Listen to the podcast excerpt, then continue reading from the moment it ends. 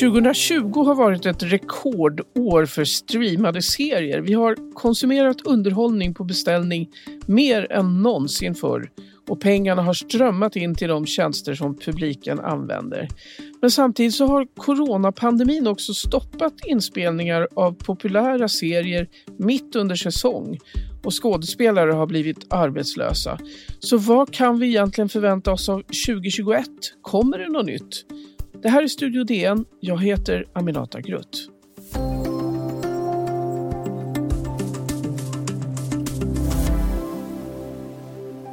Vi säger välkommen till Studio DN Helena Lindblad, filmkritiker på DN Kultur och redaktör för Filmfredag. Hej! Hej! Hur har 2020 varit för streamade serier, tycker du? 2020 har ju varit ett på många sätt ett fantastiskt år eh, där man märker att när behovet finns som det har varit då så finns det ju enormt mycket material. Och jag, det här har ju varit ett, ett hela havet stormar-år för filmbranschen och delvis också för tv-branschen men det har ju också varit ett år med otroligt mycket bra serier som, eh, ja, som man har haft att göra även om man har suttit hemma mycket framför tvn. Ja, är det någonting du tycker har varit speciellt? Ja, en sak som är väldigt speciell är att eh, samtidigt som ju eh, frågan om jämställdhet har varit enormt stor i filmvärlden och det har funnits ett det här 50-50 by 2020-målet i, eh, både internationellt och i Sverige, vilket ju inte riktigt har lyckats i filmbranschen. Men i, i, i tv-världen är det faktiskt mycket på ett sätt mer jämställt. Jag tycker att jag har sett för första gången eh, ett antal tv-serier som är, ja, har ett starkt liksom, feministiskt tema och med väldigt intressanta unga eh, kvinnor i huvudrollerna. Alltså serier som byggs upp kring unga kvinnor. Berätta mera ja. där, du kvinnlig frigörelse säger du, vad tänker ja, du på då? kvinnlig frigörelse. Jag, jag började alltså med den här spaningen med äh, den serien som heter Unorthodox på Netflix som kom, det var väl i mars, det var ju i samband med att pandemin drog igång. Eh, och den handlar om en ung kvinna som bor i, som lever i en eh, ortodox eh, Eh, ultraortodox eh, community i Brooklyn som blir är tonårsbrud, olyckligt gift och bestämmer sig helt enkelt för att fly den här, sitt, sin familj och sitt liv där och rymmer till Berlin. En eh, judisk eh, ortodox miljö ska vi säga. Judisk ortodox miljö, precis. Eh, och det, det, tycker jag är en av, för mig en av, av de stora upplevelserna under det här året. Väldigt stark och spännande och eh, de här olika miljöerna är väldigt väl skildrade. Eh, och framförallt är det en huvudrollsinnehavare som eh, verkligen tror jag kommer låta höra av sig. Det är en tjej som heter Shira Haas som är en israelisk skådespelerska som nog en hel del känner igen från eh, serien Stiesel som ganska många har sett. Ja, men den är en. Sen kom ju till exempel no brittiska Normal People, eh, drama om ung kärlek som också var väldigt eh, drabbande. Eh, sen tänker jag ju förstås då på eh, årets stora succé, nämligen The Queen's Gambit som jag tror har undgått ganska få, som jag tror är en av de absolut mest sedda serierna på Netflix. Just som handlar, eh, kostymdrama, 50-tal, lite Mad Men-liknande, handlar om en tjej som blir världsmästare i schack mot alla odds. Ja, men vi kan lyssna på en uh, liten bit av trailern för Queen's Gambit. Så här låter det. Men are gonna come along and want to teach you things. Doesn't make them any smarter. Tell the readers of life how it feels and to be a girl among all those men. I don't mind it. Chess isn't always competitive. Chess can also be beautiful. Hur känns det att vara en kvinna bland så många män? Eh, får hon frågan här. Ja, nej men det, eh, det här är verkligen en en serie som inte bara är ett spännande drama utan också på ett sätt har blivit ett kulturellt fenomen.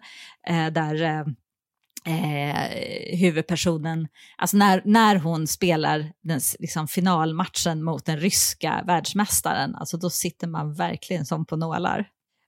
En annan serie som ju verkligen har väckt mycket uppmärksamhet är den brittiska serien I May Destroy You, där, som handlar om eh, en ung influencer som eh, eh, utsätts för ett sexuellt övergrepp under en, en krogkväll och hur hon hanterar det. Och den är autördriven, en ung tjej som heter Michaela Cole som har skrivit, regisserat, spelat huvudrollen. Och den tar hela den diskussionen verkligen ett steg framåt. Sen finns det ju förstås också en, en serie som ju många har skrattat ganska mycket åt, men som är lite härlig, som heter Emily in Paris som handlar om en ung amerikansk PR-tjej som kommer till Paris. Alla romantiska Paris-klichéer man kan tänka sig, men väldigt underhållande. Ja, där är väl också att hon, hon eh, lyckas på något sätt eh, ta, sig in, eh, ta, ta sig in i deras hjärtan där på, ja, på den här byrån där hon hamnar, där alla har näsorna i vädret och tycker att de är så märkvärdiga. Eller? Precis. Sen ska man inte heller glömma eh, The Crown ju, som kom här eh, mot slutet av året, som ju också är en tittarsuccé av Guds nåde, där ju eh, prinsessan Diana står i fokus den här eh, omgången. Hur pass verklighetstrogen är den här serien The Crown? Ja, jag är ingen expert på brittiska kungahuset, men den ligger ju relativt nära eh, verkligheten. Nu vet jag ju att i England har det ju varit en diskussion, det har ju kommit krav på att Netflix ska ha en disclaimer om att det här minsann är fiktion. Eh, men det är klart att det finns alltid en slags, vad ska man säga, poetic license här att eh, hitta på, men eh, det är väldigt gripande. Jag tror att många lär minnas de som i alla fall kommer ihåg hur det var med, med Diana när hon var ung, alltså hennes öde är ju väldigt tragiskt skildrat i den här serien. Så det är ingen riktig reklam för, för kungafamiljen på det sättet. Um, har efterfrågan på kurerade tjänster ökat? Alltså tjänster där man kan få tips och betyg på filmer och så? Och, eller framförallt, eh, nu pratar vi om tv-serier här. Eh, ja, nej, men tv-serier är ju, det, det ligger ju framförallt på de stora eh, strömningsplattformarna, Netflix och HBO är fortfarande de största. Och där kan de ju verkligen göra mer. De har ju mycket, det finns ju mycket rubriker där man kan söka, men där tror jag att de måste bli ännu bättre på att guida folk, för att materialet är så enormt stort. När det gäller film så ser man ju att, att, att äh, mindre äh, plattformar som till exempel Drakenfilm som är svensk seglar upp som en kvalitetsfilmsdistributör. Och tjänster också där man kan eh, prata med varandra, va? eller hur? Alltså att jag skriver ett betyg och så kan vi vara kompisar och du ser att jag har sett den här filmen och gillat den och så vidare. Ja, jag tror definitivt att det där behovet kommer att öka, för man märker ju till exempel på vår eh, egen eh, Facebookgrupp, Snacka om film och serier, som vi har startat på Filmfredag, nu är vi över 10 000 medlemmar och, och folk pratar om tv-serier som besatta där. Ja, men det är ju ett ämne som eh, verkligen alla har kunnat ägna sig åt eh, under den här pandemin när vi har suttit instängda hemma jag vet inte, nästan alla mina vänner har, pratar om tv-serier och eh, mina barn pratar om tv-serier. Och det är ett, när det är ett sånt här rekordår med jättemycket intäkter för att eh, många jag känner har ju skaffat sig fler såna här tjänster då på olika plattformar. Ja, eh, vad det, betyder det i förlängningen? Det är ju en ny trend faktiskt. Allt, allt fler, det ser man ju statistik på, har numera med flera abonnemang. Alltså man kan ha upp till tre, fyra stycken, det är inte ovanligt. Och det har man ju sett också i år eh, att flera stora eh, konkurrerande eh, tjänster har ju sett, eh, kommit till Sverige och då tänker jag kanske framförallt på Disney Plus som ju har fått en raketstart det här året och eh, som ju har hela Disneys eh, backlist att, att jobba med. Mm. Men vad betyder det här då när det kommer in så här mycket mer kunder? Det blir mer pengar för bolagen. Vad, vad gör de med pengarna? Ja, nej men det, det, är ju stora intäkter men det, det förvandlas ju också till, eh, till nya serier. Serier är ju dyra att producera. Eh, men jag utgår ifrån att kvaliteten alltså behovet av kvalitet ökar. Alltså när konkurrensen ökar så blir ju också eh, behovet av kvalitet större. Och det kostar pengar, det har man ju sett. Och nu så ser man ju en, en transferering från filmvärlden. Många av de stora regissörerna och skådespelarna eh, går ju gärna till tv-världen och det kostar pengar. Så jag utgår ifrån att det faktiskt omsätts i, i kvalitet. Mm. Ja, men vi ska fortsätta alldeles strax att prata eh, tv-serier och vad vi kan förvänta oss av 2021. Efter pausen.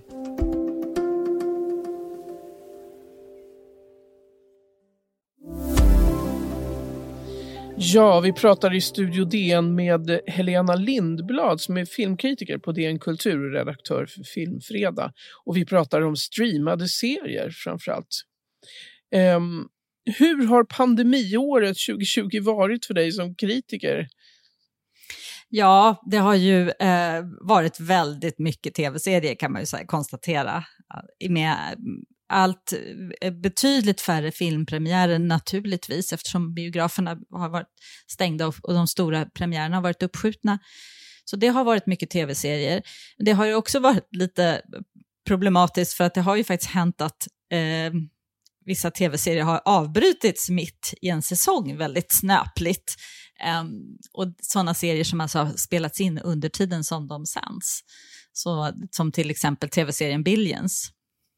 Ja, vi kan ju lyssna på hur det lät där, sista avsnittet, sista säsongen, säsong fem. That's when you go home to your comfy bed and your wife and kids. And that's what we're about to do. We sure are. Get me Bach. Get me Hall. Get me anyone who can help us find out what is near and dear to Michael Thomas Aquinas Prince. Because when I find out what matters to him, I am going to fucking destroy it. And him right along with it. Ja, Helena, vad var det vi hörde här för någonting? Ja, det här är ju liksom den eh, hetaste cliffhangern som man får vänta extremt länge på. Det här är Bobby Axelrod, den, den skrupelfria eh, finansmannen i centrum som ska hämnas på en konkurrent. Eh, och, men jag kan glädja alla som, eh, liksom jag, är förtjusta i Billions att eh, det kommer komma resterande avsnitt av den här säsongen kommer komma under 2021, vad jag vet. Men här tog det slut och det var, det var ganska brutalt. Ingen visste att det skulle ta slut så att plötsligt så var det bara stopp. Ja, precis. Och, och eh, HBO var ju väldigt sena med att eh, meddela den informationen.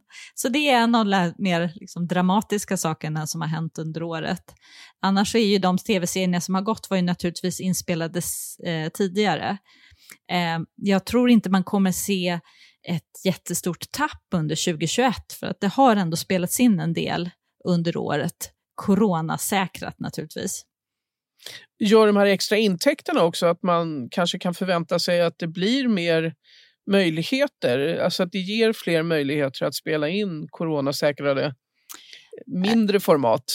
Säkert eftersom det naturligtvis adderar till kostnaderna att man måste spela in under, under liksom tryggare omständigheter. Men det kommer ju också, det här pandemin och kommer också påverka innehållet naturligtvis så gör ju det att man pratar ju om att det kommer vara mycket mindre sex och slagsmål till exempel än tidigare. Eh, och inte, mindre stora gruppscener. Just det, inte de här stora episka formaten som Game of Thrones och sådär. Ja, det är väldigt svårt att tänka sig faktiskt eh, en, en serie som Game of Thrones just nu av flera olika skäl. Eh, jag tror att många bolag verkligen eh, söker med ljus och lykta efter en ny liknande sån här stor eh, episk serie att locka publiken med. Men jag tror att det dröjer. Man ser ju mer, eh, lite mer intima dramer tror jag man kommer se mer av. Men hur kan man få det intimt då när man alltså då måste undvika kroppskontakt också samtidigt?